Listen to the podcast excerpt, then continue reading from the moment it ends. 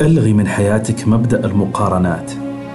يجب أن تؤمن بأن ما نراه في أحدهم هو ليس كل ما يملكه فالحياة تأخذ منه كما تأخذ منك. ثق بنفسك وقدس روحك وامضي بالحياة مفتخرا بذاتك.